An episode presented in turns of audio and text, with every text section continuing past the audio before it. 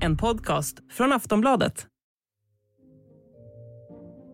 Felskyltningar, datatekniska fel, förseningar, inställda avgångar, oklara prognoser, nedrivna kontaktledningar, banarbeten, lokförarbrist.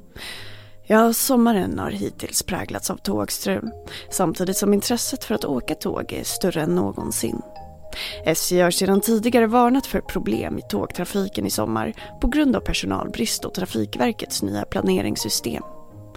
Så hur kan tågstrulet lösas? Hur kommer det sig att det återkommande är billigare med inrikesflyg än tåg i Sverige i förhållande till Sveriges mål om klimatneutralitet? Och hur ser Sveriges tågsystem ut jämfört med andra länder? Allt detta och mer ska vi reda ut i dagens avsnitt av Aftonbladet Daily. Med mig Ronja de Bor finns Berge Andersson, tågexpert, redaktör på Vagabond och programledare för Räls i P1. Han får börja med att berätta varför det har varit så mycket tågstrul i sommar. Det är flera olika saker som samverkar kan man säga. Det finns flera små orsaker och också några stora orsaker. Om man börjar med de små så är det ju att, eller små ska man kanske inte säga för det är en stor fråga det här också. Och det är att det är brist på personal inom tåget och det påminner om flyget och flygplatserna och allt det där som vi har hört om på sistone. Det vill säga det, det, det saknas folk. Och inom tågvärlden så saknas det lokförare men också tågvärdar, det som man kallade konduktörer förr i tiden. Det är brist på det helt enkelt. Så får man få ställa in tåg på grund av personalbrist. Och det är väldigt sorgligt. Men det är som sagt, det, det, det, är, det är en postpandemi-effekt. Men det är också en långvarig effekt. Det har varit brist på lokförare under flera år, långt före pandemin. Så det är liksom, ja, det är ett, det är ett strul helt enkelt som leder till det här. Och hur skulle du beskriva läget just nu? Ja, eh, läget just nu är ju då att det samverkar med att man varje sommar underhåller räls och bygger ut och stänger av trafik då, och kör ersättningsbussar istället, som strular till det hela. Det, så är det varje sommar sedan, långt tillbaka. Man använder somrarna till att, till att dra ner. Um, så att just nu så, så, är det ju struligare kan man säga än vanligt. Men, men, men det är historiskt sett inte superstruligt om man säger så. Om det nu är någon tröst för någon som åker tåg vet jag inte. Men det, det är så det är. Det är liksom inte värst, värsta någonsin på något sätt. Men, uh, men det är struligt just nu. Det är det.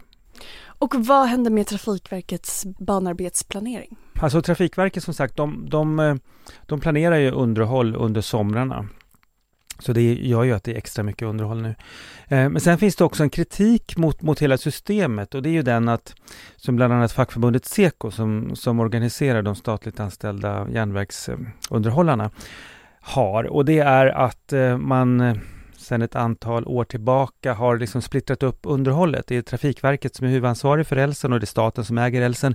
Men det är privata många, en statlig och flera olika privata underentreprenörer som lagar den. Och det finns liksom ingen som håller i taktpinnen, säger kritikerna. Så att liksom ibland vet inte den ena handen vad den andra gör. Så det är lite liksom fragmentiserat och lite struligt, eh, eh säger kritikerna då. Så de, Seko bland annat och flera andra, vill ju att man eh, återförstatligar allt underhåll så det liksom blir ordning och reda med, eh, med, vad ska man säga, planeringen av det här.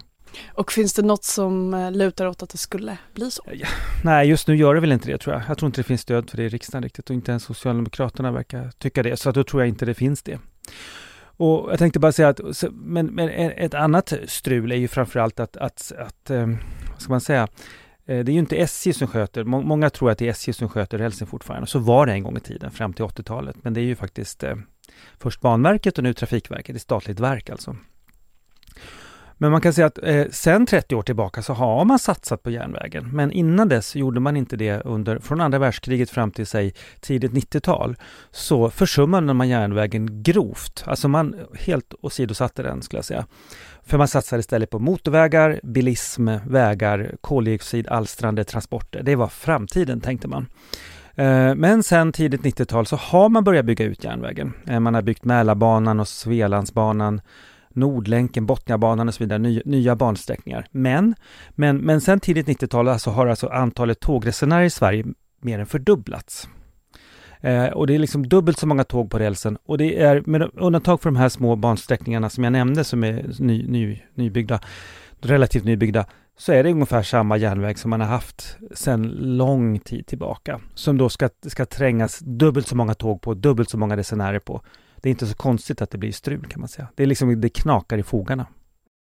Och precis, hur skulle du i allmänhet beskriva problemen med tågtrafiken? Ja, jag skulle beskriva det som, alltså den stora bilden är ju eh, en historisk skuld, att politikerna alldeles för sent har insett att man måste eh, när, när intresset för att åka tåg faktiskt ökar, det har inte minskat, det har ökat de senaste 30 åren, så har man inte riktigt svarat på det. Alltså, man har istället satsat på att bygga ut motorvägar betydligt mycket mer, vilket jag tycker är helt vansinnigt. Visserligen har eh, biltrafiken också ökat och man har behövt satsa på vägar, men man har liksom prioriterat ner järnvägen till fördel för, för vägar, som jag ser det. Och jag tänker så här, många upplever att det är tågstrul mm. ofta. Stämmer det? Det stämmer väl kanske på ett sätt naturligtvis, eh, men heller inte helt och hållet. Om man säger så här, punktligheten är en typisk sak. Man kan inte längre lita på tåget. en gång på 1800-talet och 1900-talet så sa man det går som tåget. Och en vanligt säg är ju att det stämmer ju inte längre. Men tittar man historiskt så är det tvärtom. Alltså tågen har aldrig varit så försenade i Sverige som på 70-talet. Och eh, all time low var 1980 då hälften av alla tåg kom fram i tid. Och det är ungefär vad svenskarna idag tror att tågen klarar av. Alltså att ungefär varannat tåg kommer fram i tid. Om man frågar folk i en undersökning har man gjort det. Men i, i, i själva verket, och det här är inte tågbolagens statistik utan Trafikanalys, en annan myndighet som jämför alla tågbolag, så kommer mellan 80 och 90 procent av alla tåg fram i tid, fortfarande faktiskt. Just nu i sommar så är de siffrorna lite sämre, måste vi då säga. Det är därför vi står här och pratar. Det är lite sämre just nu. Men sett på årsbasis så ligger det där någonstans. Ehm, och flyget presterar faktiskt något sämre. Och, och, så att det här att man kan inte lita på tåget, visst, det, det, kan man inte alltid göra. Det kan man heller inte på, på flyget kan man väl säga då. Ehm, så de presterar inte så dåligt. Så att, ja, det, det, är svårt att säga. Men visst, varje gång ett tåg ställs in och man drabbas så, så är det inte så lätt att tänka på den historiska totalbilden. Liksom. Då står man ju där och är skitförbannad. Och gärna sprider den saken på Facebook och så vidare. Så, så leder det till den här att tågen alltid strular. Mm. Just det här med punktlighet då, är det, liksom, är det ett rimligt krav ändå att, så här, att tågen ska komma i tid? Det tycker jag absolut är ett rimligt krav. Mm. Eh, sen kan man inte få 100%, det kan ingen mänsklig verksamhet få. Jag menar, Japan är väl uppe i någonstans runt 99% av punktlighet på sina tåg. Det är ju världsrekord. Och, och, det är ett av liksom 200 länder i världen och sånt där. Så det går, det förstår man, dit kanske vi inte når. Vi kanske aldrig kan ta guldmedalj. Eh, men vi kanske kan, eh, SJs mål är ju 95% i tid. Eh, Man ska upp då från lite någonstans på 80% till 95. Det kanske går att nå, men det går nog inte att nå genom att bara liksom anställa fler lokförare, var, liksom försöka vara noggrannare i sitt arbete. Det krävs ny järnväg. Och i Sverige har vi diskuterat ny järnväg, eh, till exempel de här nya, nya stambanorna mellan Stockholm, Göteborg och Malmö som ibland kallas för höghastighetsjärnvägen. De har man faktiskt diskuterat fram och tillbaka sedan 1991 kom det första förslaget. Och fortfarande finns inga färdiga beslut. Man har beslutat att bygga eh, Stockholm ner till Järna och Östergötland eh, man, från Lund upp till Hässleholm och från Göteborg till Borås. Men sen fattas det ganska mycket för att binda ihop de här tre då, för att det ska bli en hel järnväg. Och det har man fortfarande inte beslutat och det är liksom en eh, politisk oenighet. Vad kan man säga mer om vad som krävs för att förbättra eh, tåg, tågtrafiken i Sverige? Ja, jag har ju nämnt bättre underhåll eller kanske mer organiserat underhåll, nya järnvägar, eh, helt enkelt svara på den efterfrågan, den ökade efterfrågan som finns, eh, kan man väl säga. Um, ja, mer än så tycker jag inte jag man kan precisera det. Det är liksom en, var lite lyhörd för det här, den här lusten och viljan att åka tåg som finns och som man då kanske sabbar genom att just ställa in tåg och strula till det. Då, då tappar man ju förtroendet för tåget. Aftonbladet Daily är strax tillbaka. För den som vill resa sträckan Malmö-Stockholm i sommar kan det vara 20 gånger dyrare att resa med tåg än flyg när prisskillnaden är som störst, enligt en kartläggning som SVT Skåne har gjort. Även prisskillnaderna mellan tåg och flyg för sträckorna Stockholm-Göteborg och Stockholm-Umeå kan vara stora. Varför ser det ut så? Vi hör Per J Andersson igen. Där finns det en väldig konkurrens, eh, förvisso både när det gäller tåg och när det gäller flyg.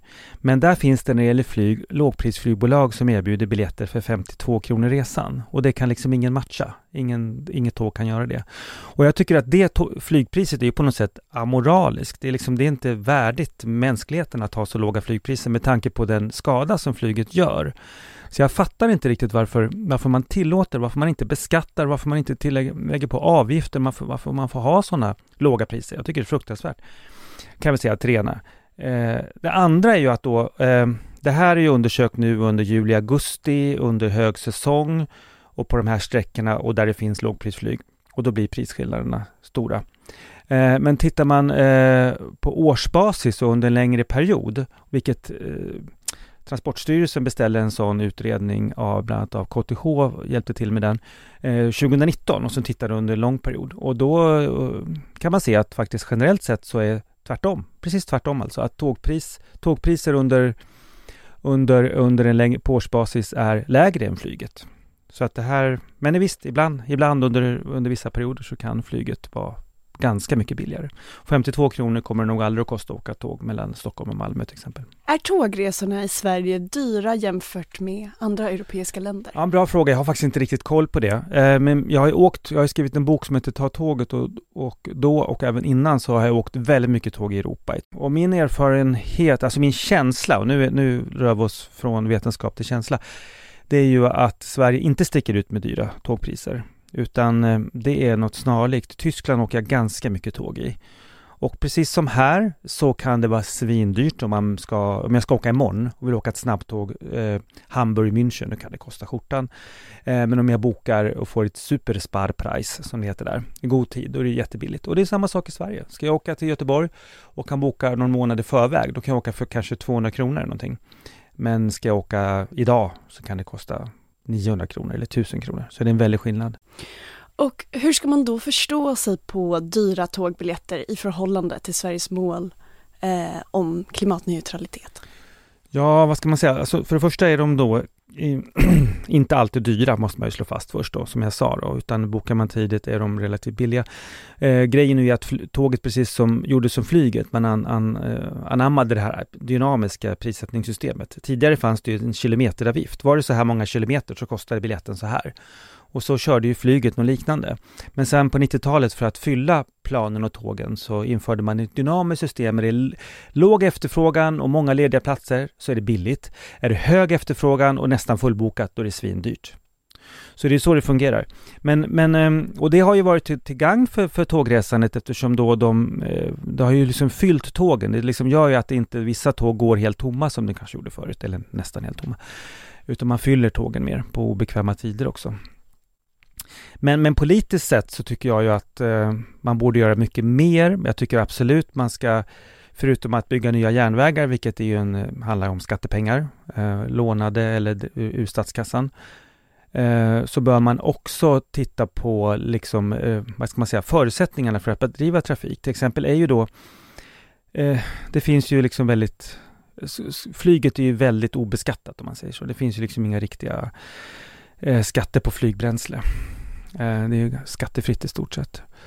Så att eh, det är orättvist på det sättet. Ehm, så jag tycker man också borde, man borde satsa på tåg. Lite grann som, som flera länder i Europa har gjort det mycket, mycket mer. Frankrike, Tyskland, två exempel. Schweiz inte minst. Ehm, Österrike satsar ju mycket mer, både på sitt statliga, sina statliga tågbolag och på att bygga ny, ny, nya järnvägar, nya tunnlar och nya snabbjärnvägar och så vidare.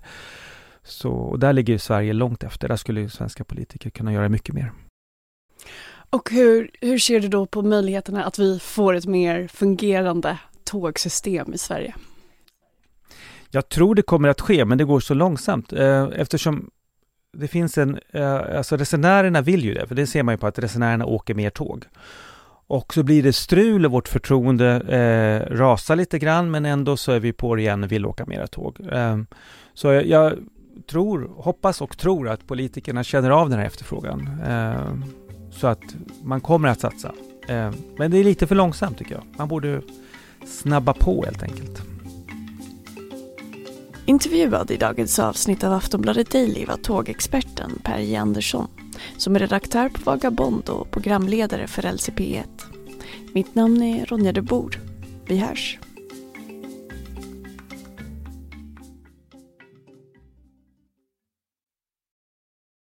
Du har lyssnat på en podcast från Aftonbladet. Ansvarig utgivare är Lena K Samuelsson.